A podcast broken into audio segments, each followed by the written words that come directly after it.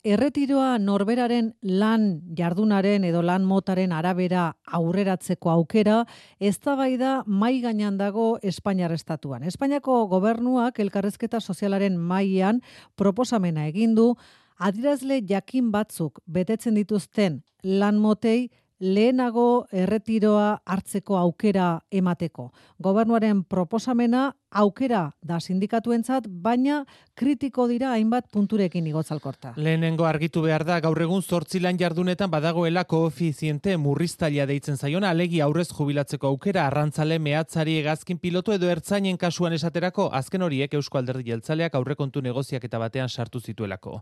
2000 eta maikan, Zapatero gobernu buruzela, jubilazioa dina irurogeita zazpi urtea atzeratzea, erabaki zen, modu progresiboan, eta orduan, UGT eta komisiones sindikatuekin adostu zen atzerapen hori, beti ere erretiro aurreraturako atea zabaltzekotan lamotaren arabera. Kristina Estebez, UGTko erakunde gaietarako idazkariak azaldu digu nosotros estuvimos de acuerdo siempre cuando Ados geunden erretiro atzeratzarekin beti ere jasotzen bazen ezin duela lanbide guztientzat berdina izan. Frogatuta baitago gure lan bizitzan egin behar dugun jardunak bizi itxaropenan eragiten duela. Esperantza de vida. Horretarako araudi bat garatzea sinatu zuten orduan, baina ez da garatu alderdi popularraren gobernua etorri zelako gero, eta azken urteetan sozialistekin gaia zitzegin bai, baina orain arte etzaiolako benetan heldu.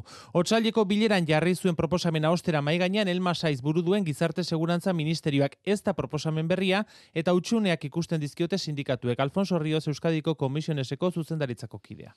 Ba, gobernuak egia da, elkarrizketa sozialerako maiara eraman du, baina eraman duen araudiaren proposamena 2000 eta hogeita irugarren urtean bidali zuten gauza bera da. Eta gure ustez, e, ez da nahikoa, zenbait gauza usten, usten dituelako konponbide, konponbide gabe edo gutxienez konponbide zehatz, zehatzik eman gabe.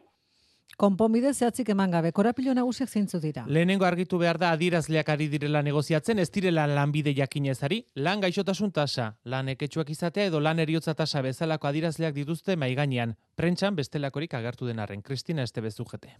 Eso es lo que estamos negociando. Adierazleak ari gara negoziatzen, baina ez lanbide zehatzak sartzea, eraikuntza edo garraioak esaterako.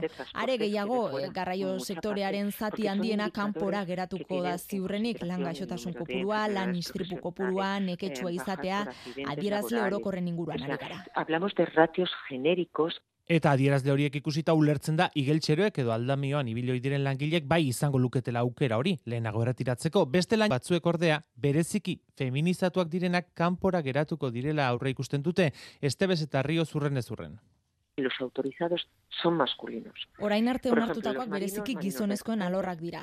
Arrantzalek esaterako erretiro aurreratua dute egun.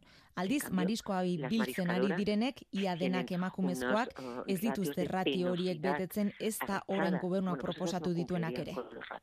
Por lo tanto, nosotros lo que estamos batallando... Hori da gure borroka, lanbide neketxu asko, emakumei lotuta kanpora geratuko lirateke, eta adibiderako, ba, ia beti lumbalgia oiko gaitzat hartzen da, eta ez zelan gaixotasuntzat. relacionadas con el ámbito laboral, son lumbalgias y no te las relacionan. Zainketen sektorean, non emakume gehiago dauden tokiak dira, ba, ez du guzte aplikatuko denik edo egongo denik, orduan gure ustez bai arazo, arazo nahiko larria dela, edo bai. Lan jardun jakinetarako, zaintzaren alorrerako esaterako beste adirazle batzuk sartzea nahi dute sindikatuek negoziaketan eta beti ere argi utziz lan jarduna aldatu ezin duten kasu ez ari garela. Esaterako zeladorek lan eketsua izan dezakete, baina adin batera iritsitakoan bulegoan birkokatuz gero ez lukete jubilazio aurreraturik izango. Martxoaren lauan dute urrengo bilera, elkarrezketa sozialare mailan.